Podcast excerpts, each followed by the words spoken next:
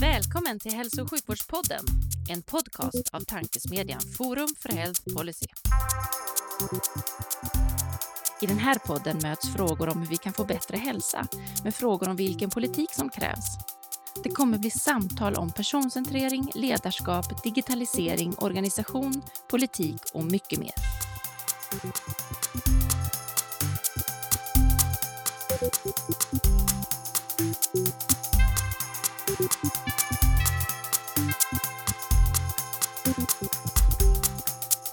Hej och välkommen till Hälso och sjukvårdspodden.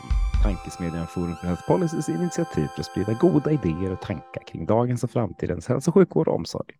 Jag heter Magnus Lejelöw och arbetar till vardags för Colivia men är även ambassadör för Forum för Health Policy. Och vid min digitala sida har jag idag förmånen att välkomna en kunnig röst med både bred och djup kunskap om den svenska och kanske mest eller fokuserad på Stockholms sjukvården. Varmt välkommen till podden, Georg Tack Magnus, roligt att få vara med. Ja, jättekul, jag ser fram emot den här diskussionen. Eh, och, och för, att, för, för, att kicka igång så startar vi naturligtvis som vanligt med hur tror du att svensk hälso och sjukvård ser ut 2040? 2040. Eh, det känns jättenära och jättelångt bort samtidigt. Du ser, det är därför jag valt det här svåra året. Ja, det är bra. Jag, jag har tänkt så här, jag är 79 då, 2040, så då tänkte jag behöva vården. Då börjar jag behöva vården ordentligt, så det är en angelägen fråga. Nej, allvarligt, så här tänker jag. Jag är helt säker på att sjukvården fortsätter att bli bättre. Det, jag både tror och hoppas. Mm. Eh, och det är lite provocerande eftersom många tycker att det är många bekymmer med dagens vård. Men jag känner så här, den blir bättre. Resultaten blir bättre, den, men den kommer kännas och upplevas eh, sämre, precis som nu. Så att jag gör en kontrast här mellan eh, att resultaten, eh, de medicinska resultaten, överlevnaden, eh, även hur vården hänger samman och faktiskt koordineras och tekniken kommer bli mycket bättre till och med på 20 år. Men i vår mm, jag tror att vi, vi, medborgare och patienter har så ökande krav, ökade förväntningar och den blir mer och mer komplex vården, så den kommer kännas minst lika trasslig som idag, tyvärr. Tycker du det känns som att förväntningarna kommer i fatt eller förväntningarna springer ifrån? För det kan ju vara så att vi haft för låga förväntningar på hälso och sjukvården, att vi kommer att ha lagom förväntningar, eller så har vi lagom nu och får för höga framåt. Det är en jättebra fråga. Eh, jag tycker förväntningarna är en stor del av bekymret idag. Så förväntningar är något som jag fastnar för. Och att jag tror att de hela tiden springer före. Vi vill alltid ha mer, så skulle jag säga. Men jag gillar också det du sa om att de kan ha hunnit ikapp oss. Vi har haft för låga förväntningar eh, under en period. Det är fullt möjligt. Men nu är de högre än vad vi kan leverera, det är helt klart.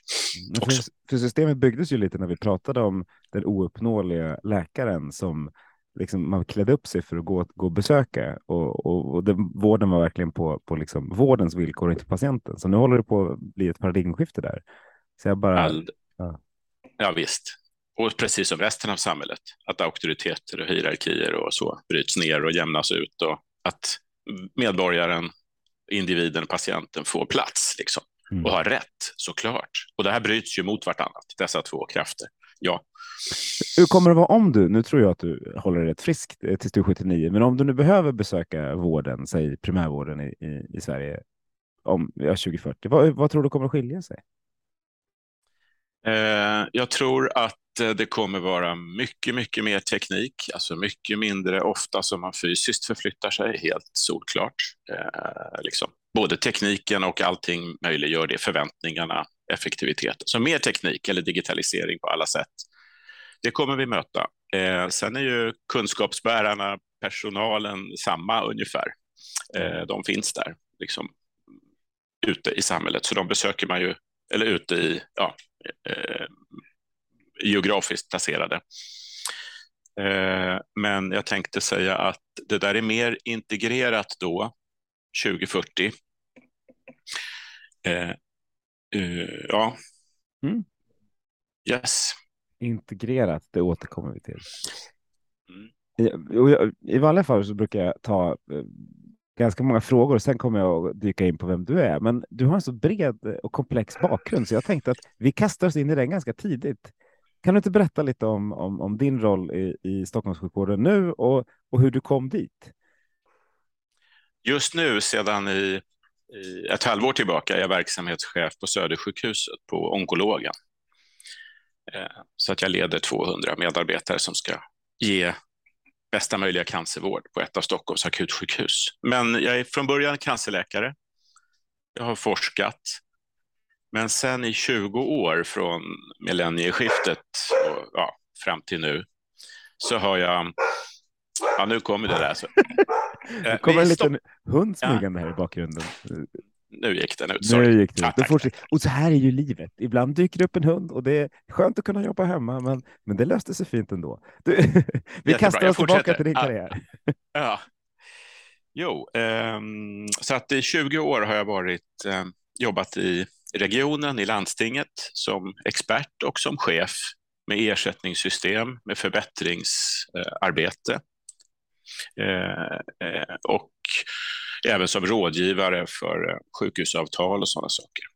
Men jag har också varit chef i vården på två stora idéburna vårdorganisationer, Stockholms sjukhem och Ersta diakoni inom palliativ vård. Så att jag har helt enkelt hoppat fram och tillbaka mellan systemet, regionen och att vara chef i verksamhet. Mm. Det är en lite nätt, nätt upp. Vi kommer tillbaka till både sjukhusavtal och ersättning. Det tycker jag liksom mm. intressanta ämnen att, att, ta vid. Men jag tänkte börja med hur leda 200 personer som ska, ska rädda liv och ta hand om liv. Hur, hur gör man det på bästa sätt tycker du? Också en lite lätt fråga. Ja, en lite lätt fråga. Jag, jag börjar att säga så här att eh, ledarskapet i sig tycker jag är väldigt roligt och har tagit på allvar länge. Som haft mentor, varit mentor, funderat mycket. Och där blir ordet, jag tycker självkännedom blir ett mm. ord att jag själv ska veta vem jag är, det är en bra början. Så, sen måste man tycka att det är roligt och tycka om alla människor och alla medarbetare så, så mycket som möjligt, så, så genuint som möjligt och visa det. Det är också viktigt. Eh, så, och sen är det väl fyra, jag har fyra ledarskapsord för mig. Jag säger dem jättefort. Jag gillar de här, sense-making, förmågan att förklara varför vi gör det vi gör. Vad är det vi håller på med? Det vinnlägger jag mig om, den tydligheten. Mm. Relationer, eller relations, då. alltså helt enkelt att jag tror verkligen att jag ska ha relationer både med de som tycker som jag och de som inte tycker som jag. Och både uppåt och neråt i systemet. Det låter väldigt ambitiöst, men liksom jag verkligen vinnlägger mig om det. Man äter lunch med så att säga, undersköterskan och vdn eller den som inte tycker som en själv. Relationer och sen uppmuntra andra att ha relationer så att fester och möjligheter att träffas och alltid få hög prioritet. Mm. För vi, organisationer är relationer, tror jag, alltså till och med. Sen är det då att vi ska ha ett gemensamt mål som vi tillsammans delar. Det är ju inte samma sak som att jag kan förklara det. Alltså common vision eller att ha ett gemensamt mål. Vart är vi på väg? Som vi På spåret. Det är också viktigt som ledare. Absolut. Både, både, På spåret och att vara På spåret är viktigt. Ja, och så måste jag krydda med den sista som är en favorit och det är kreativitet som liksom går på tvärsen. Det vill säga säga ja till allting som, inte, som du inte har tydligt själv att säga nej till. Bejaka kreativitet hos mig själv och andra. Det, så kör jag. Det här är en devis man önskar att, att alla chefer hade. Att säga ja så länge du inte har skäl för att säga nej, eller fog för att säga nej. Det, den där ska vi uppmuntra ordentligt.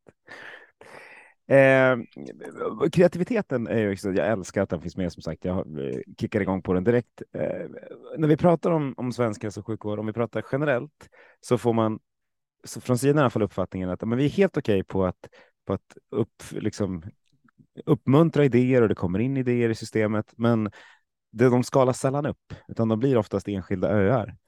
Hur, hur gör du för att, för att få med liksom, eh, kreativa inslag från andra delar av, av Sverige eller andra delar av, av organisationen för att liksom bidra på, på, inom er verksamhet?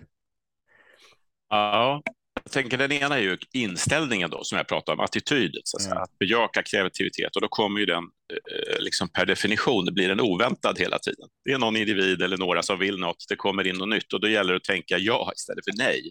Det är en viktig grund. Det, det är liksom en gr grund för att få förändring. Mm. Sen ställer du en mycket svårare fråga när man väl har börjat med något. börjat lägga pengar, lägga tid, då är det ju, ehm, ja, som alla vet som jobbar med förändringsarbete, hälften eller mer blir misslyckat eller det funkar inte, då måste man ju lägga ner dem i tid. Det är okej okay att göra fel helt enkelt. Det måste det också få vara. Allt kan ju inte lyckas. Och sen när det är något som är riktigt bra, säger vi då, något verkligt kul, någon stor förändring, då är den allra största utmaningen, det är att ändra på kulturen och på människors beteenden. Och det är ju underpratat om, tycker jag. Därför att om man har jobbat 20-30 år med stolthet och kunskap i en riktning och sen ska man på något sätt göra på ett annat sätt. Det är jättelätt att säga och jättesvårt att ändra på, för det vet var och en själv hur det är när man ska ändra sig. Det tror jag är, eh, de flesta av oss har inte så lätt för det. Vi låtsas att vi tycker det är jättekul med förändring, ja. men det är väldigt få som tycker det är kul när ja, man väl ska ja. göra någonting. Ja. Jag brukar säga framtiden är redan här, men den är väldigt ojämnt fördelad. Mm. brukar jag tänka. Så det, men, men har du något, har du något tips, ja. tips och tricks då? För det är inte, det, jag, jag, håller med om att, att det är svårt och typ, att det är underpratat om. Men, men, men hur ska jag vi tycker få att det är bejaka, Jag tycker att det är att bejaka det igen.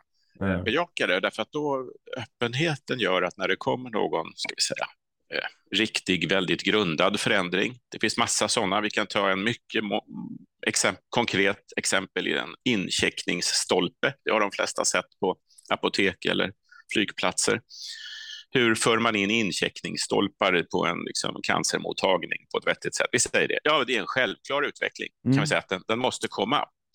Men att gå hand i hand då med att tekniken funkar, att patienterna fattar, att personalen gör om sitt sätt att jobba. Ja, jag bara bejakar det, men det måste få ta sin tid. Det, det sker med mycket kommunikation, eh, försök till delaktighet, jag gillar ju också små piloter, liksom sånt som ingår i förbättringsarbete. Man testar i liten skala och kollar om det funkar. Mm. Och sen skalar man upp så man inte kör stora program med, med massa människor. Det blir ofta fel. Ja. Men, för du lyfter en bra sak med incheckningsstolpe, eh, oavsett om det är i form av en app eller om det är i form av en fysisk stolpe, mm. så, mm. så, så, är det, det är någonting som skulle kunna liksom börja lösa det här tillgänglighetsproblematiken som, som ju finns, i, eller pratas om i alla fall inom svensk hälso och sjukvård. Och, eh, får det ta så lång tid då? Eller är det inte något man, liksom, om det nu problemet finns och pratas om, till och med når valdebatten, är det inte mm. något som, som borde bara göras då och kanske tryckas ner lite mer? När du, när du säger så så lyckas du provocera mig lite. Det är ju en väldigt vanlig kommentar, känslan av det här måste ju hända nu. Vi möter den i valdebatten, vi möter den från många. Men jag har en annan inställning själv. Jag tänker så här, det här är svårt därför att det är så många steg som ska sitta ihop. Och att trycka fram det, det är bara att få motstånd. Jag tror att det är fel metod helt enkelt. Locka fram, visa fördelar, sälja in det som funkar. Och jag, jag tycker sätter gång på gång på gång på gång att eh, vårdpersonalen som då utifrån möjligen anses trög, det är helt fel bild. Den är fantastiskt eh, villig att förändra för patientens bästa och för sitt eget bästa. Därför förändras det väldigt, väldigt fort. Eh, så de där kommer liksom eh, sälja sig själva som smör i solsken när de är tillräckligt bra för att hjälpa till. Vad bra, man får provocera lite också. Det är ju lite av min uppgift att få igång, få igång en diskussion. Jag håller med dig. Det, det, det bästa är om vi kan få saker att, att ske naturligt och att folk är med på det. Det blir ju oftast effektivare resultat. Sen måste vi mm. kasta in lite brandfacklor ibland och få saker, saker att hända snabbare. Eh, och det, det blir vår uppgift då, vi, vi som driver podcast och annat. Absolut. Det, det, det är vi har alla våra, alla våra roller.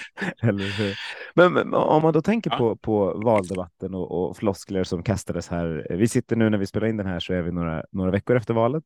Vi mm. har fortfarande inte riktigt koll på vad som kommer att hända framåt, eh, varken inom den stora politiken eller inom den viktiga hälso och sjukvårdspolitiken. Eh, men vi har i alla fall passerat valet. Vad, ja. vad, tycker, vad tycker du att, eh, vad pratades det för mycket om i valdebatten inom hälso och sjukvård och vad pratades det för lite om?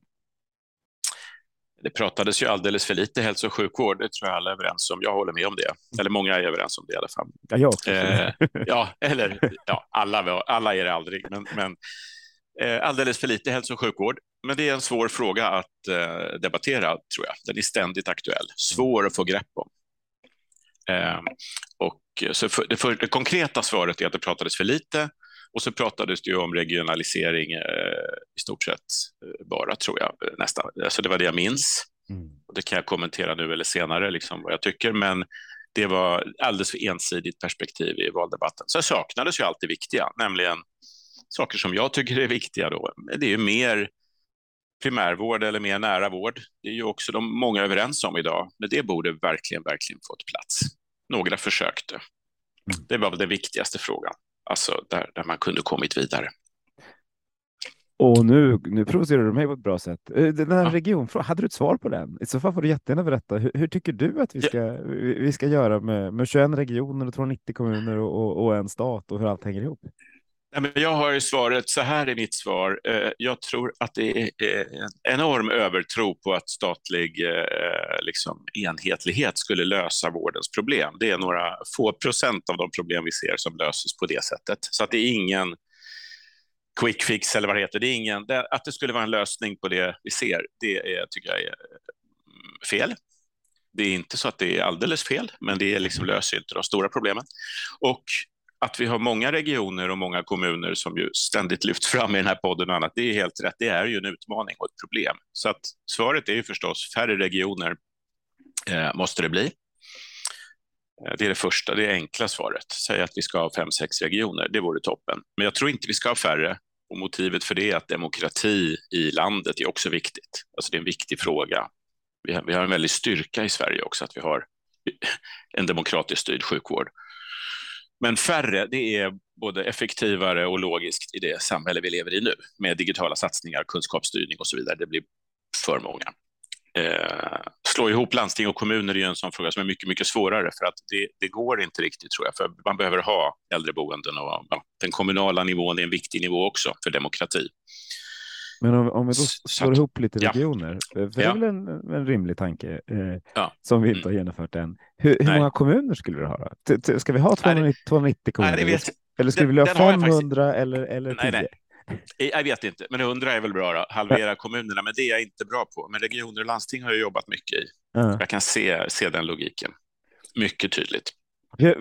Du har jobbat väldigt mycket inom, inom regioner och mm. landsting mm. eh, och, och då blir man ju också lite nervös när du säger att jag har dålig koll på kommunen. För kommunen borde ju vara mm. jätteviktig om man har jobbat mycket med det du har gjort inom, inom regionen och landstinget.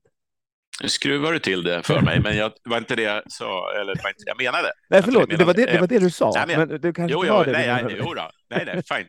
Nej, det går jätte, jättebra. Nej, men jag har jobbat tio år i eh, Stockholms läns landsting slash region Stockholm då. Och fantastiska år, otroligt lärorikt och kul liksom, och bra på många sätt. Det är klart det finns utmaningar på, men det är en spännande överblick man får. Mm. Och visst är kommunen ett ständigt eh, liksom, samarbetspartner och Stockholms kommuner på olika sätt och Stockholms stad i alla möjliga samarbetsprojekt. Så att jag har koll på det. Jag menade bara att jag har ingen, ingen klar svar på frågan om vad är vinsten med att slå ihop en massa kommuner i Sverige? Det har jag inte tänkt. I Stockholm sitter ju kommunerna ihop ganska mycket exakt. Nej, och samarbetar. Och att frågan kommer upp är för att jag började första två avsnitten i den här podden så intervjuade Peter Graf och Göran Stiernstedt. Och mm. Båda har varit sjukhusdirektörer på Danderyd och, och sa att vi hade inget samarbete med kommunerna runt om Danderyds sjukhus. Mm. Eh, vilket ju är liksom ja. så här, både förståeligt och skrämmande mm. på samma gång. Mm. Jag håller med, förstår. Eh, så det var, nog, det var nog snarare därför det kom, så då blev jag nyfiken på att se om det var så. Men vad, vad bra om du har liksom samarbetat med Stockholms stad i större utsträckning, för det tror jag, tror jag är viktigt. Ja, att vi får den. Men eh, om du då har suttit med, liksom, på, mm. jobbat med, med, med ersättningssystem och, och styrning eh, liksom inom, mm. inom Stockholmsvården, har det, eh, vad tror du är det, det bästa sättet att styra med ersättningssystem och vad är det sämsta sättet? Ja, eh, det, det minst dåliga sättet liksom, det är ju att blanda fast och rörlig och kvalitetsersättning. Eh, och det är i stort sett så man gör idag mm. också.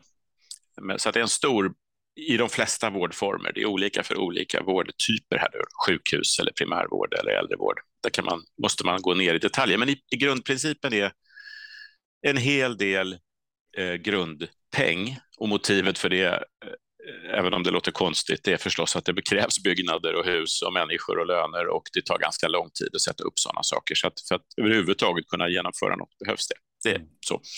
Sen behövs det förstås ersättning för prestation eh, i någon mån och där har vi ibland haft för mycket i Stockholm, eh, men det kan också vara för lite. Så att säga, det är bra med en viss styckersättning. Den stora, stora utmaningen där som många kanske inte har funderat så mycket på, det är exakt vad man ska betala för. Hur man än vänder och vrider på det där, så hamnar vi att vi betalar i stort sett för sånt som redan görs och det är svårt att betala för sånt som borde göras, som inte finns ännu.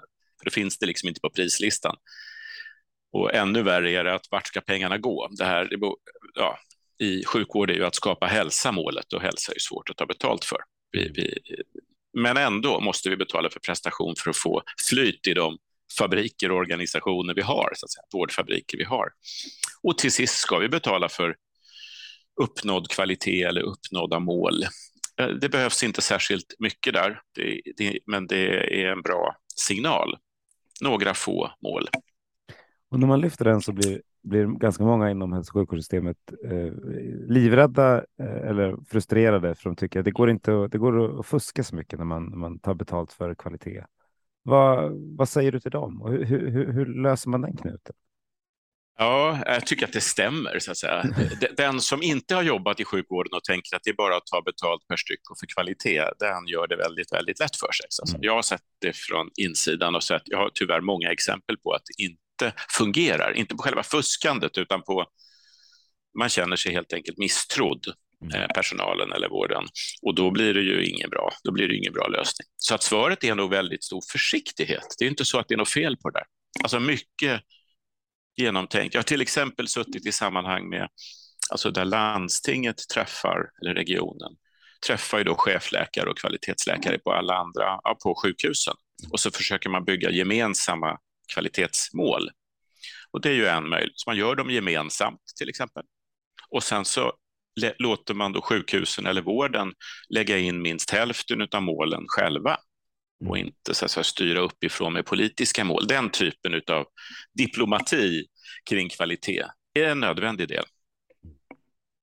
Om vi då ska göra den här lilla nätta transformationen till en god och nära vård, eller vi ska väl göra transformationen till en nära vård och få hoppas att den blir god. Eh, hur, hur skulle man ersätta den då? För att för då blir patienten plötsligt inte riktigt, då är inte var man bor så jätteviktigt, utan då är det snarare att man är en del i systemet viktigt det, det, är inte riktigt, det är inte lätt att säga, men mer, mer primärvård ah. är ju inte svaret. Det är ju inte hur man ska ersätta, men det tror jag verkligen behövs. Mer primärvård. Jag skulle säga en tredjedel till. Mm. Eller, eller det här som nu är eh, i debatten att man eh, sänker listningsantalet kanske nästan med 100 procent, alltså från 2200 till 1100. Men, men man behöver mycket mer resurser där. Hur ska man ersätta för det? Jag tror att det är samma blandning som jag pratade om sist. Det behövs en rejäl grundersättning för att kunna ha primärvård. Du behöver ha för kontakter, men det är självklart att det ska vara distanskontakter, fysiska kontakter, samma ersättning och så vidare. Alltså man kan ju öppna för detta. Mm. Och sen tror jag på samarbete. Jag har en egen liten liksom, eh, hang-up. Jag skulle vilja ha samarbetslikes kallar jag dem för, men på något eh, spännande sätt. Där är avdelningen bonus och kvalitet, då. alltså mm. högst upp. Grädden på moset är ersättningen. Tänk om det kunde vara så, eftersom vi har ett väldigt fragmenterat sjukvårdssystem, där många, många, många, många enheter ska samverka. Så tänk om det var så att man kunde trycka iväg en liten likes från ena hållet. Alltså jag gillade hur du gjorde, du hjälpte mig. Det här är mellan vårdenheterna, inte patientens likes, inte mm. patientnöjdhet, utan samarbetsförmåga. Och sen så, ja, de som får jättemånga likes, de får liksom del av en samlad samarbetsbonus, så att säga. Eh, vi vill ju att systemet ska samarbeta. Kan vi ge mm. incitament för direkt samarbete också? Jag är inte säker på att det går nog säkert att fuska med de där likesen, men jag gillar tanken. Ja, absolut, och den dashboarden skulle man vilja se. Mm. Jag vill gå till det, den enhet som, som samarbetar bäst. Mm, som många tycker är bra på att samarbeta. Exakt. Så, som sträcker sig lite extra. Absolut. Sen hade ju hela omvärlden vänt sig till den då för så här, oh, ska vi köra ett projekt eh, med, tillsammans? ja, nej, det är inte, det, jag ser det inte riktigt hända, men kanske. Ja, jag tycker det är jätteroligt. Det finns ju en, en, en eh, baksida, eller säga, nej, det finns en konkret eh, insida av det där. Jag tänker på ett stort sjukhus till exempel. Mm. Så finns det väldigt många läkare och sköterskor som bara jobbar med att serva andra delar av systemet. De, bara, de sitter egentligen i telefon, tittar på röntgenbilder, skriver svar, skriver råd, ger råd, hanterar aldrig en patient. Så att säga. De bara fungerar som kunskapsnav mm. för resten av systemet. Det, och det där, till exempel, tänka sig, hur tar man betalt för det? Så om nära vård växer upp så behövs det också specialister och kompetens. Och det, där, det bara visar komplexiteten. Absolut. Den, den, den, förenklade bilden att sjukhus tar hand om svåra patienter och primärvård tar hand om lätta patienter och så får väl var och en betalt, det kan man ju tro. Men i själva verket så sitter det här ihop som ett transportsystem eller som ett helt land nästan, där eh, alla delar samverkar. Och de, de, du pratar om nu är sjukt viktiga i dagens system. Jag tänker att mm. 2040 så är det möjligt att väldigt mycket av det är digitaliserat.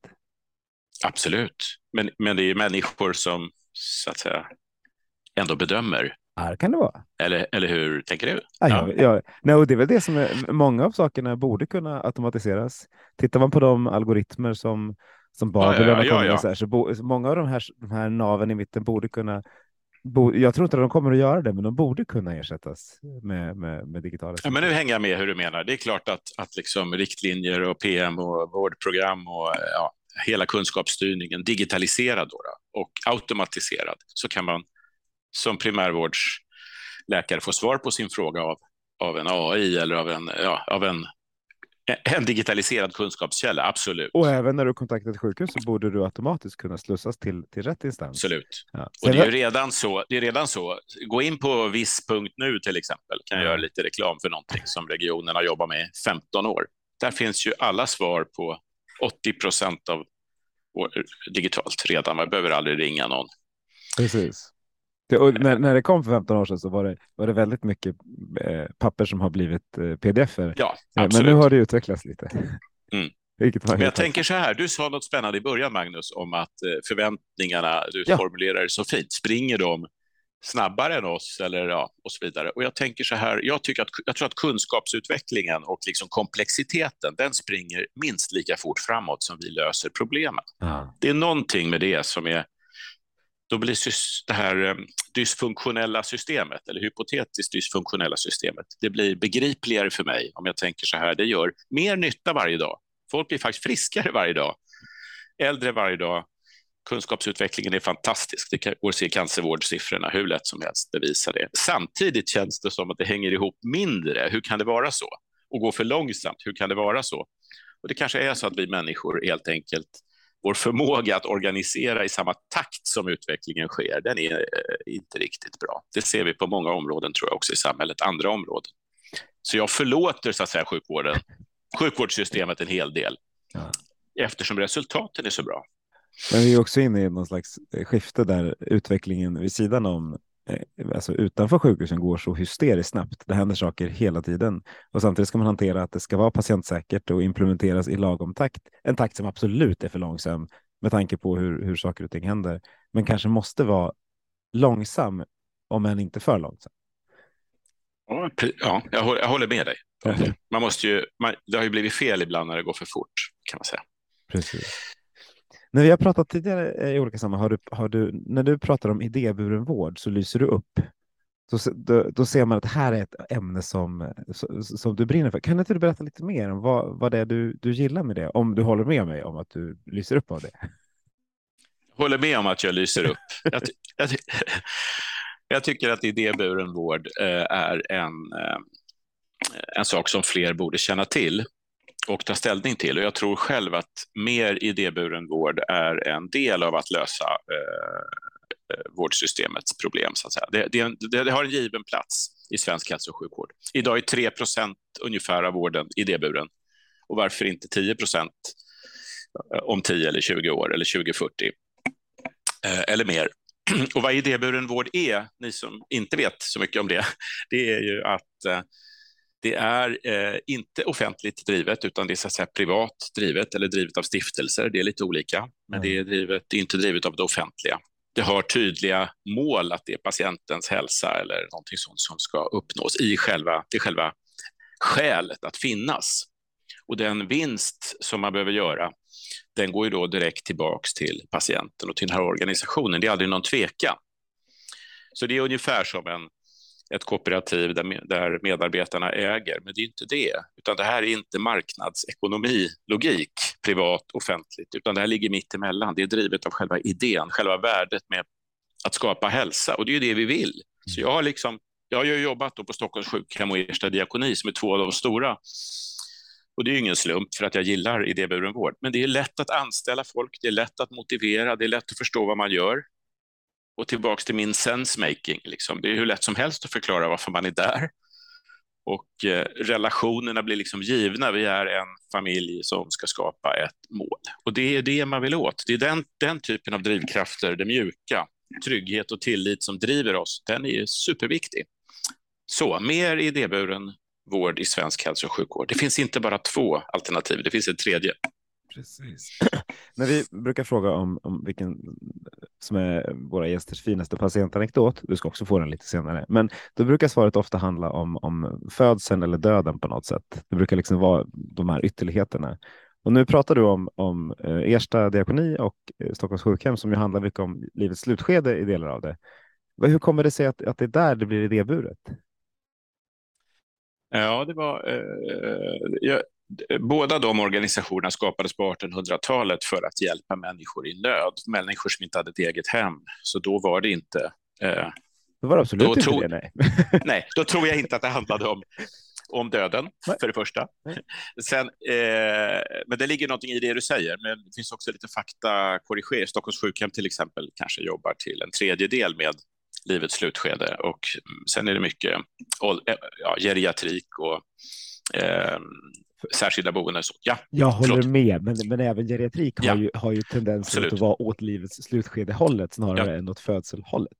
Ja, jag tror, att, jag tror att motiven för att hjälpa eh, ligger ju bakom det idéburna och det blir ännu tydligt lättare att förklara där. Sen under, när vårt samhälle utvecklades, om vi flyttar oss rasande snabbt fram till 40-tal, 50-tal, 60-tal, 70-tal, yeah. alldeles nyss, då, då var det den plats där den idéburna vården så att säga, överlevde och frodades helt mm. enkelt. Det, det, det, och man sökte ju också svar som inte samhället hade svar på. När hospice växte fram, palliativ vård, sånt var inte givet att det hamnade inom sjukvårdens hägn, utan då hamnade de inom idéburna. Så du är något på spåren där, absolut.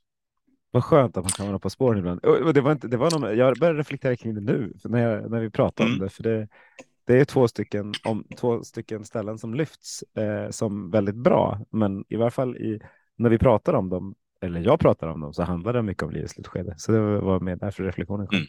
Mm. Eh, på, tal om, på tal om hospice eh, så vet jag också att du var med och grundade det första barnhospicet.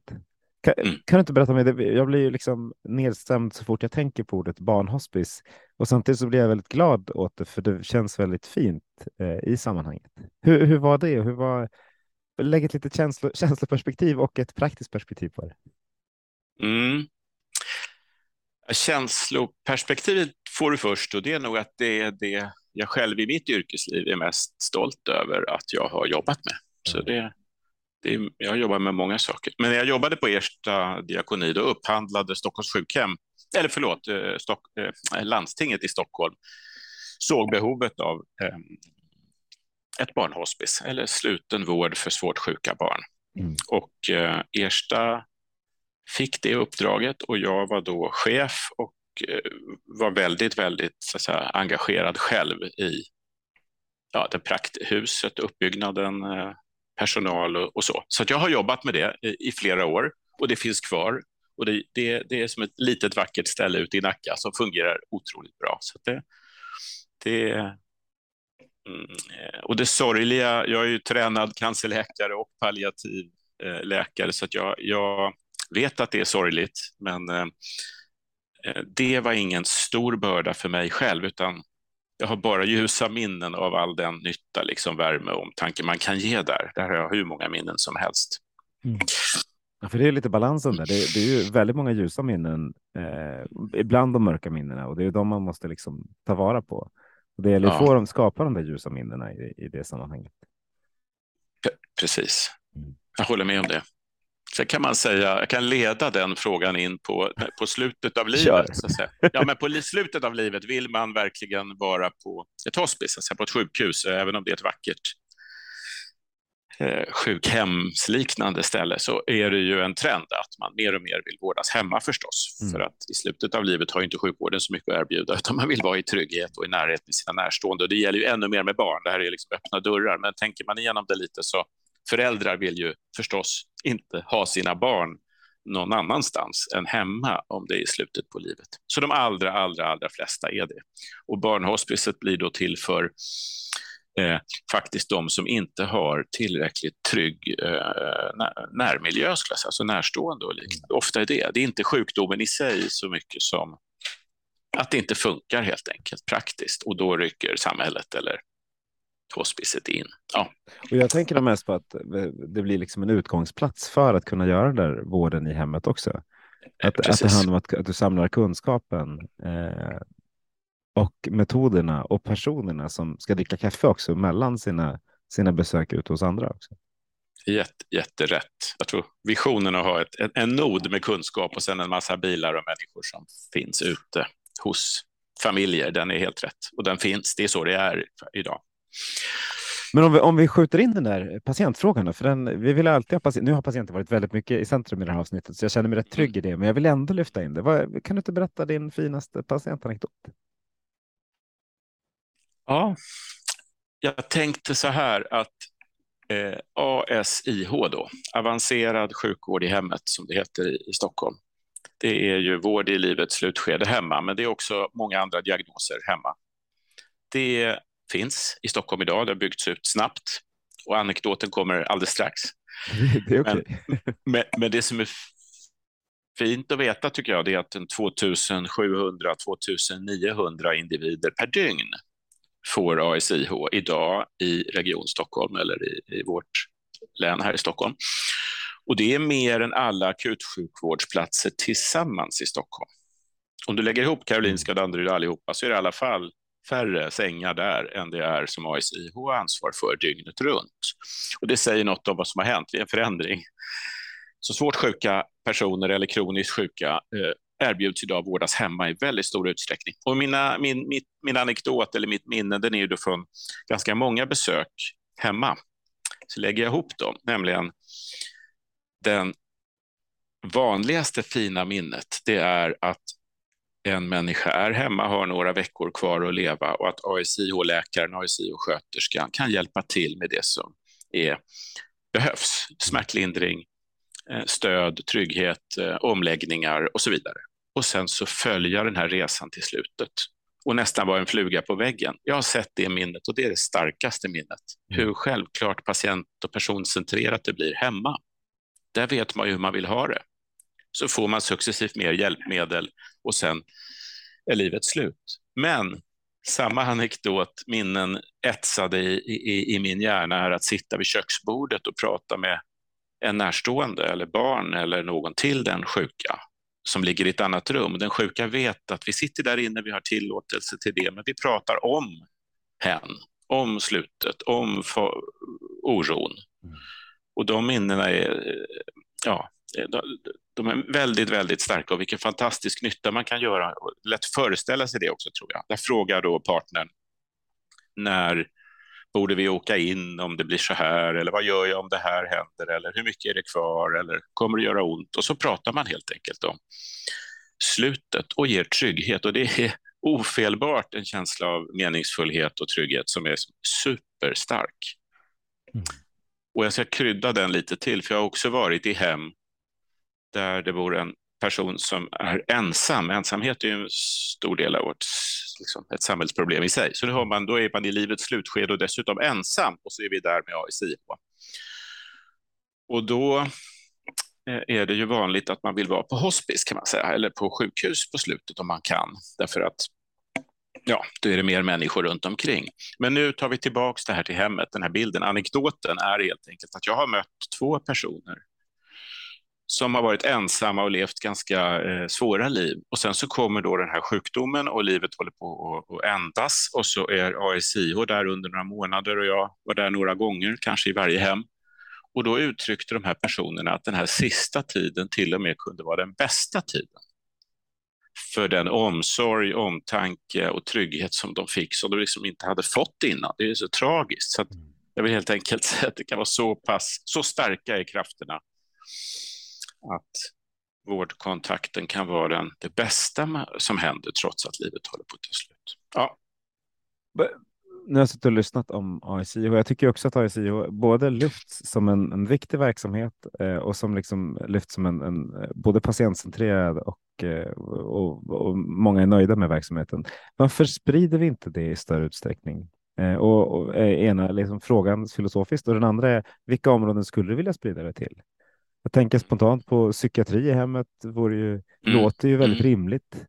Eh, barn, ja. vård av barn som inte är mm. livssjuka i, i hemmet. Ja. Den ena trenden är ju att den, det sprids. Liksom, jag har inte siffrorna för Sverige, men det är en jättetydlig trend. Och Stockholmstrenden går att googla fram att på 20 år har det tredubblats eller fyrdubblats så det fortsätter att dubblas. Men det dubblas från en, från en, ganska låg nivå? Ja, då, nej, men fine. fine. jag, jag, jag, jag kan, det är svårt att säga. Det är mer än alla akutsjukhus här just nu, mm. redan. Så it, we're getting there. Jag tycker du har poäng, men jag ska, och sen breddas det. Det var lätt med livets slutskede. Det, har, det började där överallt, mm. men nu är det andra diagnoser och kroniska sjukdomar och, och det bara ökar. Så det ty, tycker du har alldeles rätt i, då ska det väl inte heta kanske ASIH, utan det är mobila team av olika slag och de byggs upp ju för äldre, för psykiatri och så. Det kommer, men jag tycker det, det kan gå för långsamt. Jag vill bara krydda det med lite digitalisering här. Vi har inte pratat om det så mycket idag. Nej, jag tänker att det här, jag, jag, jag, är ju väldigt, ska vi titta framåt så kommer det vi idag kallar ASIH eller vård i hemmet, det kommer ju vara en förlängning av akutsjukhusen också. Det är en given utveckling. Det heter ju hospital at home eller någonting liknande. Så att patienter som vårdas på våra stora sjukhus, de åker hem lite snabbare och så får de med sig eh, elektronik och halva sjukhuset hem och så finns det personal som är tränad som också kan rycka in och stötta så att det blir kanske en vecka eller två veckor kortare vårdtid på sjukhuset och så får man hjälp hemma. Och det är en slags ASIH i alla fall om man slarvar med, med orden. Sjukvård i hemmet. Ja, precis, och, och, den stora skillnaden, och det var därför jag lyfte mm. det, för, för mm. Eh, vi har ju pratat vård i hemmet och mobila team och utgått väldigt mycket mm. från, från digitaliseringen och från möjligheterna till att göra mm. liksom, saker via, via det digitala. När du pratade om ASIH och berättade om vad som var finast så var det det personliga mm. mötet i så mycket. Ja. Eh, och det var därför jag tänkte just andra sjukdomar där personliga mötet är väldigt viktigt. Tror att det, blir, tror det är viktigt att titta på, på ASIOs fördelar och inte mm. bara på, på mm. vad digitaliseringen kan ge och vad man kan spara. Perfekt. Ja, ljuv musik. Jag tror att det är helt rätt. Ja, men det är helt rätt. Jag har också sett äldre människor försöka relatera till datorer och chatta och så där. Och det fungerar ju ganska bra hemma, men det är skillnaden då. alltså att ha fysiskt möte eller sitta hemma och få ordning på sladdarna så att säga och, och förstå allt blippande. Och, ja, Nej, men det är, man måste kombinera människor och digitalisering. Man ska nog göra det. Man ska nog använda sådana. Mm. Man ska nog inte skicka mm. sådana som mig överhuvudtaget till, till vården, utan vi ska bara prata digitalt. För jag, jag mår ju bara bra av det. Men, ja. ja. Och jag, kan ja, jag minns en rolig anekdot. Jag minns en rolig ja. anekdot som, som talar emot det jag sa här nu. Och det är en, ja, jag, träffade, jag träffade en äldre dam en gång som eh, satt och pekade på skärmen och där på skärmen fanns en sjuksköterska som skötte hennes blodtryck tror jag. Alltså, och vi, men vi satt hemma hos henne och konverserade och då, då frågade jag henne hur känns det, det var en äldre dam, hur känns det här att eh, ha en dator framför sig? Och jag var ute efter problemen. Liksom. Och då sa hon, tittade hon upp på mig och så sa hon, det här är ingen dator, det här är min vårdcentral. Mm. Sa hon då och pekade på sin dator som stod på bordet. Så det var en fin anekdot. Så det är klart att det, också går att göra så. Eller ja, tänka åt det hållet. Och alla projekt vi har inom KOL och, och diabetes när man monitorerar hemma säger precis mm. samma sak. Att det, det, är rätt skönt att kunna göra det, kunna vara hemma och, och, och titta via liksom digitala ja. skärmar. Så det är klart det finns en massa saker. Men ja. sen finns det nog diagnoser där det inte är, är lika självklart. Så det är nog det vi ska bara liksom differentiera även, även det här. Även det här, ja. Men om du då tittar, tittar runt om, vi återkommer till digitalisering, det behöver vi också mm. återkomma till. Men om du tittar runt om i världen, vad, eh, vilka länder har kommit långt på, liksom inom områden som du brinner för? Ja, precis. Jag, jag tänker det starkaste är väl att vi ska förbättra det system vi har.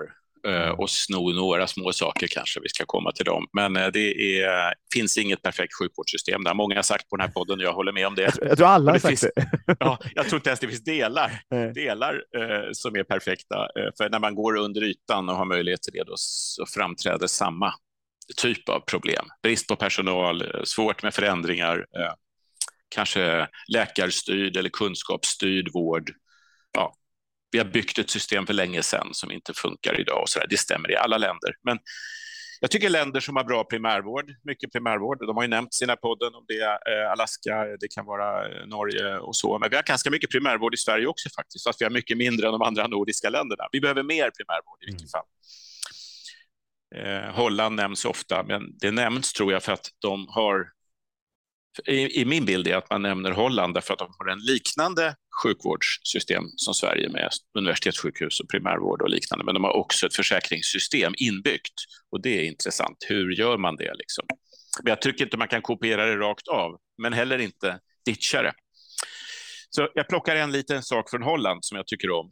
Pang bara. Och den är, holländarna är ju jätteduktiga på digitalisering tycker jag. Det, det har jag sett. Och en sak som jag gillar det är en slags omsorgsapp. Jag ska inte nämna ordet på den här eller vad den heter, men det handlar egentligen om att man är ensam hemma och behöver hjälp med någonting enkelt. Dra på en stödstrumpa, få en spruta, kanske få mat. Det här liknar hemtjänst. Mm. Men man lägger ut det som ett behov på liksom i en sluten grupp, Facebookgrupp, och så får man grannar och andra, andra ensamma personer i närheten som vill hjälpa till. Och så bygger man scheman liksom för den här hjälpen. Man får helt enkelt hjälp av sina grannar. Eh, men ehm, det där går att sofistikera, så gränsen mellan hemtjänst, nära vård, grannar och, och liksom eh, civilsamhället som vi kallar det i Sverige, den kommer suddas ut. Holländarna är superduktiga på det. Det är självklart att vi ska hjälpa varandra med enkla saker. Coolt, vi har, vi har tipp-tapp så man får hjälpa att ta bort skräp. Men då ungefär man... så. Ja, ungefär. men alltså... samma sak fast, fast inom vården, det låter kul. Ja, det ja. och det finns eh, på plats. Det tycker jag om. Ja. När vi var i, i Nederländerna på, på besök med Forum för rätt policy så det var massa coola saker. Men det, det coolaste tyckte jag var när vdn för ett, ett av de här stora försäkringsbolagen och eh, en av ministrarna inom hälso och sjukvård stod och pratade tillsammans och berättade hur hälso och sjukvård skulle mm. utvecklas. Mm. Det mm. hände inte i Sverige. Nej. Utan de har kommit väldigt långt i samarbetskulturen också och liksom att ta ner rädslan för varandra mellan det, mellan det privata och, och det offentliga mm. och mellan liksom alla systemets aktörer. Nu Kul. överdriver jag säkert, men, men just det, det, den känslan vi fick när vi var där som en delegation mm. var, var väl, väldigt inbjudande ur ett samarbetsklimatsperspektiv. Vad kul att höra. Ja, jag kan, jag kan tänka mig det. Eh, det är mycket logik i att den som försäkrar och står för pengarna också är den som är med och utför vård. Ju. Det är ju, alltså då, ja. då borde förutsättningarna för samarbete öka. Och i, i Sverige, det är sällan man debatterar det där ordentligt, men eh, i Sverige har vi på ett sätt har vi ju ett sjukvårdsförsäkringssystem som alla är med i och en stor offentlig utförare som också utför. Det gäller bara att koppla ihop incitamenten där lite tydligare. Då. Det, det, eh, så, så, kan man faktiskt se det. Och få hela kedjan att hänga ihop. Om man pratar för det, ja. När man ska lyfta liksom ett sånt här fantastiskt exempel på det, pratar man om Kaiser Permanente mm. som, som ju liksom har hand om, om hela kedjan mm. och då mm. överinvesterar för att skolbarn inte ska bli feta och mm. bygger hus för dem som, eh, de som har liksom risk för, för hemlöshet. För de inser att det här är de Precis. saker som, som driver kostnader. Mm. Eh, och då kanske anledningen till varför man gör saken kanske är fel, men lösningen blir väldigt rätt. Ja, och väldigt konkret. Jag har haft förmånen att vara där två gånger. Jag tycker också det är spännande med dem. Mm. Att incitamenten hänger ihop. Men, men eh, jag byter, jag, även i Region Stockholm eller på Södersjukhuset så är det ju fullt möjligt att se det så. Alltså vi får ju faktiskt en ersättning för att göra nytta och spara pengar. Och vi, vi drivs av den typen av krafter, men det är inte lika konkret Nej. Dock, det är inte lika lätt att, att, att, ta in fruktstånden så att säga, i Södersjukhusets entré och, för att då promota prevention. Det är inte lika uppenbart för att systemet är för stort. Det är mycket större liksom än så. Taxi ja, permanent är, är ändå ett sammanhållet, ett sammanhållet system. Ja. Men de är ungefär lika många människor som, som vi är. Min utmaning tycker jag, det är att se det som att vi har, vi har Kaiser Permanente här, brukar jag tänka. Vi har det här framför ögonen Let's work on it. Så att jag tycker vi ska förändra vårt sjukvårdssystem i den riktningen. Inte bara, jag tror inte det hjälper att göra om alltihopa. Det går inte. Det tror inte jag heller. Men vi, försökte, vi pratade om att upphandla en obruten höft en gång. Magnus. Nu ska vi, se. vi pratade om att upphandla en obruten höft en gång eh, i, med, tillsammans med Region Gävleborg. Just, hur, ska, hur kan man se till att men vi, just nu så jobbar sjukvården bara på de där som har brutit höften. Men hur kan man se till att betala för att hela kedjan funkar? Man Eh, skulle vilja göra det, men jag tror man skulle vilja göra det, så vi ska inte sluta leta med vår kreativitet. Nej. Men eh, det är långt, långt, långt ifrån det. Det, och det är jag helt övertygad om. Jag bara älskar tanken att så här, ja, men målet är inte att operera, utan målet är att sanda gatorna utanför SÖS. Jag håller med. Men det leder mig in till en annan fråga, som hur stort är sjukvårdssystemet och vad är sjukvårdssystemets ansvar? Ah. Svåra frågor, men jag är så frustrerad dagligen faktiskt för att vi så självklart sträcker ut sjukvårdssystemet till att till exempel sköta all prevention eller ah, ja, psykisk ohälsa i samhället eller så. Och det blir ju ganska snabbt orimligt förstår man att eh, vården kan ha, jag tycker inte vården har hela det ansvaret. Jag skulle nog säga att sjukvården ska reparera när bilen går sönder, medan det finns, liksom, vi måste tänka mycket bredare när vilka ska ta hand om att inte bilen går sönder, att vi bygger bättre bilar eller att de håller längre eller att det är rätt reservdelar och, eller att man kör försiktigt och så vidare. Att, man, att du inte bryter höften. Ja, absolut. Så att, var går gränserna? Hur gör man där, liksom, Ja, i exakt. gränslandet? För om du tar just bilexemplet så, så, Mm. är ju, så är ju Volvo inne både på att laga bilen när den går sönder, men de har också massa data som gör att de förebygger så att den inte ska gå sönder. För att de vill Absolut. att det ska vara en så bra upplevelse som möjligt och de använder datan mycket mer. Vem är det du tycker ska, som ska ta hand om, om allt det där innan då? Eftersom effekterna landar i, i sjukvårdsknät. Så b- både och. Jag tycker i princip att vi alla ska ta hand om allt det där innan. Vi, det, är ju, det är ju hur vi gör. Ja, faktiskt. Du, du Magnus och jag. Och jag. Nej, men det är hur vi har det i skolan och hur, hur miljön är och vilken mat vi äter och sådana saker. Det blir ju snabbt uppfinnaren i Sundbyberg annars, så att säga. Jag tänkte Mm. inte på det. Alltså, vården kan ju faktiskt inte lägga sig i vad, hur mataffärerna säljer sin mat. Eh, eh, Det, det är vårt gemensamma i samhället. Det är det ena svaret. Det andra är att den vård som jag ser idag, den tar ju prevention som en självklar del. Ta cancerscreening som jag har sett mycket av, att hindra bröstcancer. De största studierna vi gör nu, de handlar om att inte ens få bröstcancer eller screena exakt rätt patienter. Det är ju en prevention. Det är en del av vården. Det är sjukvårdens uppgift. Så att, eh, eh, ja, man måste ner i, i detaljerna. Och, och, och det tänker- måste man. Och, Mm. men, men och du Mm. säger att det är Mm. din, din och min uppgift och det är det ju naturligtvis. Eh, förmånen för dig och mig är att vi har gått ganska länge i skolan. Vi, vi har förmodligen haft det ganska lätt för oss och fått bra betyg och vi har, haft Mm. jobb som gör att vi har förutsättningar att, kunna ta hand om oss själva. Både du och jag Mm. har säkert saker vi skulle kunna göra bättre. Eh, Jag skulle Mm. kunna äta bättre och, och Mm. liksom, det finns saker som man skulle, men, men ändå, vi är väl liksom anständiga delar i det där preventiva systemet.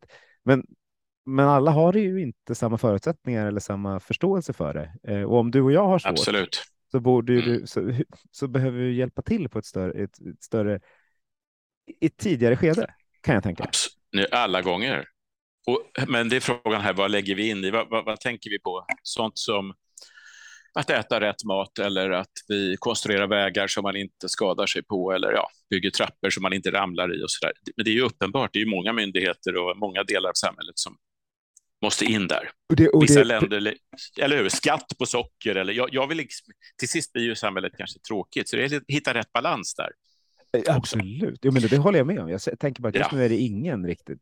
Vi kan inte lägga det i handen på Ica och Friskis Svettis att liksom vara de som, som driver vår, vår Ja. preventiva hälsa. Kan vi inte det? Det är det vi gör. Det är det vi gör. Nu, nu, sådana föreningar och grupper ser jag överallt.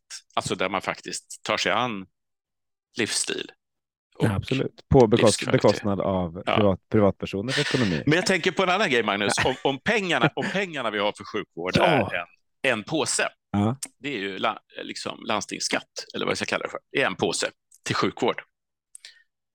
Om den ska räcka till både förnyelsen inne i vården, alltså det vi pratade om först, digitaliseringen inne i vården. Sen ska den räcka till nya barnhospice och ny ambition, nya grejer, mer AICO och sjukvård och hemsjukvård.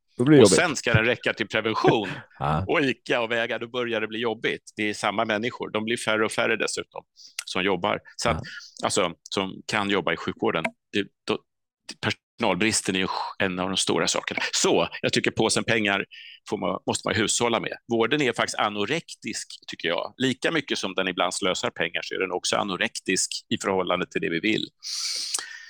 Till och med. Jag håller med. Eh, och samtidigt så skulle... Gör du det? Gör jo, nej, men, nej, men i grunden, så här, som systemet är riggat just nu så är vi ju mm. absolut inte där. Däremot så kanske jag tycker att delvis varför jag, varför jag är liksom på det är för att jag tycker mm. det är suboptimalt delvis. Mm. Eh, eftersom vi liksom inte strävar riktigt efter den friska patienten, utan vi strävar efter att vi ska använda pengarna när de har blivit sjuka. Ja. Eh, och hade alla haft samma mål, hade Friskis och Svettis, nu tar vi det som exempel fast det är ett mm. varumärke, mm. fått mm. betalt för att mm. patienter inte ska komma in till vården, ja, visst. så hade vi, hade vi kunnat använda och hushålla med pengarna på ett bättre sätt. Men nu är ju, mm. vi är ju riggade på det sättet vi är och då måste vi naturligtvis utgå från det. Det var nog mer ett liksom, tankeexperiment som jag blir mer och mer frustrerad över. Men, men, men, på tal om det, för, för, för du, ja. när, när, vi har pratat lite, eh, mm. pratat lite innan så har du pratat om primärvården och att man, de borde få mer pengar. Du har en väldigt konstruktiv eh, och dyr modell för hur du skulle vilja, vilja lägga upp det. Kan du inte berätta om komplexitetsmodellen? Komplexitetsmodellen den är att om man ser framför sig att sjukvården, den här fragmenterade sjukvården idag, så tror jag många av er som lyssnar kan se framför er, man ritar upp en patient i mitten som är sjuk och så är det massa bollar runt omkring alla som är inblandade i den här vården. Om det är en sjukgymnast och en, ett sjukhus och så vidare. Hem, hemsjukvård. Många, många eh, med kronisk sjukdom har tiotalet aktörer och det där är ju förstås ett problem. Många ser det så, varför hänger det inte ihop? Det måste hänga ihop. Vi hör de orden skalla. Mm. Men de blir egentligen bara fler, de här bollarna, och det beror ju på att vi kan göra mer, enligt mitt sätt att se det, och kunskapen är större och vi vet vad sjukgymnasten ska, eh, eh, och arbetsterapeuten ska bidra med och vad de närstående kan bidra med. Så bollarna blir fler. Så det är komplexitetsmodellen, den är att vi har ett väldigt komplext system. Jag, tycker, jag vill vända på den här utmaningen att alla de här ska hänga ihop. Det låter ju så självklart. Det är nämligen så att de försöker hänga ihop allihopa.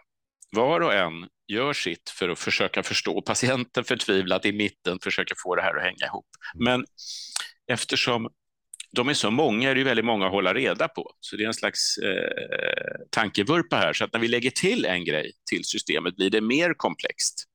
Det blir fler saker som ska hänga ihop, men det tar också resurser från varje del som redan fanns. Mm. Så jag vet inte om det här blir begripligt, men om vi då har massa primärvård och sjukhus, vi gör det enkelt, vi har två delar bara. Vi stoppar bara de två delarna in och så har vi en patient som har behov av båda på något sätt. Mm. Så tänker jag så här, okej, okay, vi behöver ha mer primärvård. Det är mycket som talar för det. Men nu har vi det. Vi har mer primärvård. Sen om vi ska lägga till en del till, en specialistklinik för någon kronisk sjukdom som är superduktig på någonting, som gör en liten del, den blir en del i pusslet för den här patienten som är nödvändig, säger vi. Då tycker jag att varje gång man bygger en ny sån så ska man lägga 3 till på primärvården, alltså framöver, som ett riktmärke. 3% är bara taget från höften, men principen är att ju fler saker som nära vård och primärvård ska koordinera och navigera, ju fler bollar man ska hålla reda på, ju mer resurser kostar själva navigeringen. Den drar resurser i sig själv. Komplexiteten kostar. Så, ett långt svar. Varje gång vi lägger till något i systemet så måste vi ta höjd för att det blir mer komplext. Det gör vi inte. Vi försöker, det är därför det är anorektiskt. Vi, försöker, liksom, vi tror att det blir bättre systemet hela tiden, men det blir också dyrare. Mm. Varför jag lyfter den, för jag tycker den är helt rätt. Jag tycker du har ett, liksom, en poäng. Sen om det är 3 procent eller inte, jag håller med, den är från höften. Men, men, det, ja. men eh, det finns många komplexiteter redan idag, mm. eh, vilket tyder på att om det var nu 3 procent som var ett riktmärke så skulle primärvården ha lite mer pengar och ja. resurser. Ja, och det kan ju också sägas att den lämpligaste navigatören eller lotsen för de flesta patienter, det är primärvården eller primärvårdsnivån mm. som lots. Alltså man kan ju inte ha alla bollarna får, utan någon behöver hålla reda på det här också. Och det drar resurser. Ja. Mm. Nu, nu har jag elva frågor jag har i huvudet eh, och jag inser att vi har pratat i drygt en timme. Alltså det, det går fort när man har roligt. Vad, eh, vad skulle, är det något ämne du skulle vilja lyfta innan vi avrundar som du känner? Är, är det precisionsmedicin eller digitalisering eller något annat spännande som du skulle vilja lyfta? Eller något du tycker att jag inte alls har nämnt här i det här samtalet? Ja. Det, det, är mycket i huvudet, men vi har inte mycket, vi har inte mycket tid. Så jag, vi, vi, kan, väljer... vi, men vi kan ta oss tid. Ja, ja nej, men vi får se. Jag har två, två saker i huvudet, får vi se om de ryms. Det gör de. Den ena är ju åter till eh, cancervårdens resultat eh, och utvecklingen där, som ju är helt fantastisk. Mm. Jag liksom rekommenderar att titta på Cancerfondens senaste filmer och statistik. Men den visar ju att modern cancervård gör att sju av tio överlever cancer idag. Och för stora cancersjukdomar som till exempel bröstcancer så är mer än 90 procent överlever. Och det är en revolution i kunskap och det liknar mRNA-vacciner och, och såna här saker kring pandemin. Det är en, en långsam revolution som har utvecklat sig. Den vill jag verkligen bara tala om hur bra den är. Så de patienter vi möter på Södersjukhuset med bröstcancer, då får nio av tio överlever och det är hela världens kunskap som vi kan applicera. Liksom. Och det där utvecklas varje vecka. Bokstavligt talat får jag ett mejl om en ny medicin eller en ny regim som gör det här ännu lite bättre, några promille till. Det tycker jag är grymt mm. och liksom härligt. Och det, det kommer ju bara fortsätta till 2040. Siffrorna blir bättre och bättre. Och komplexiteten i primärvården blir större och större. Jajamän, det är helt rätt. De här som lever, någon måste hjälpa dem, stötta dem och följa dem. Det kan inte cancerklinikerna göra till exempel. Och då går det ju lite mer resurser till primärvården för att och de ska ju lära sig cancer också. Det är, cancer har liksom, är lite otäckt även för vårdpersonal, så hamnar det hos specialister. Eftersom patienter, det väcker också mycket oro hos patienten själv. Så sådana drivkrafter finns. Jag ska, eh, du vill fråga om det, men jag tänker ta min andra. Jag måste skjuta in min andra. Jag, jag, jag, nej, jag, jag tänkte bara liksom komplettera, för, för jag håller med. Mm. Primärvården måste mm. kunna mer än cancer. Apoteken måste kunna mer om cancer. Fysioterapeuter måste, alltså det är många som behöver kunna mer om sjukdomar som idag varit specialiserade. Det gäller ju cancer just nu, men kommer att gälla annat också framöver. Där har vi en utmaning i hälso och sjukvården. Och Där har du komplexiteten och Verkligen. pengarna. Verkligen. Ja. Så, och tillbaka, 3, tillbaka, exakt, tillbaka men, men det andra var det andra var stoltheten hos eh, min personal och de jag ser, alla de som jobbar också i regionen. Den meningsfullhet och stolthet som många känner, den är eh, grym kraft. Jag tror den allra starkaste kraften. Den är lite svår att sätta ord på, tycker jag. Mm. Men jag möter den varje dag. Så jag, jag, liksom, jag frågar mig när jag möter X eller hen eller hon på jobbet. Varför är hen här idag? Vad gör hen på jobbet? Och jag ser hur det, liksom, det som tydligast strålar ut, det är meningsfullheten och viljan att hjälpa den enskilda patienten. Det går alltid före och det är så skönt. Så det, det, det är som en urkraft som man kan tämja. Liksom. Och jag vill, visa, vill bara tala om att det är kul att jobba i vården där eh, och att de trivs med det. Och det är för att det är så otroligt meningsfullt. Mm. Men det är ju en, en, en väldigt fin avslutning. Vi, vi pratar stolthet hos medarbetare, vi pratar att cancervården går framåt och vi pratar vikten av att ha bra fester på eh, onkologen på SÖS så att relationerna blir bra mellan medarbetarna. Det är en, ett, ett fint samtal, Georg. Tack så hemskt mycket för att du var med i Hälso och sjukvårdspodden. Tack Magnus för fina frågor. Och tack alla ni som har lyssnat. Nu går vi ut och förändrar svensk hälso och sjukvård till det bättre.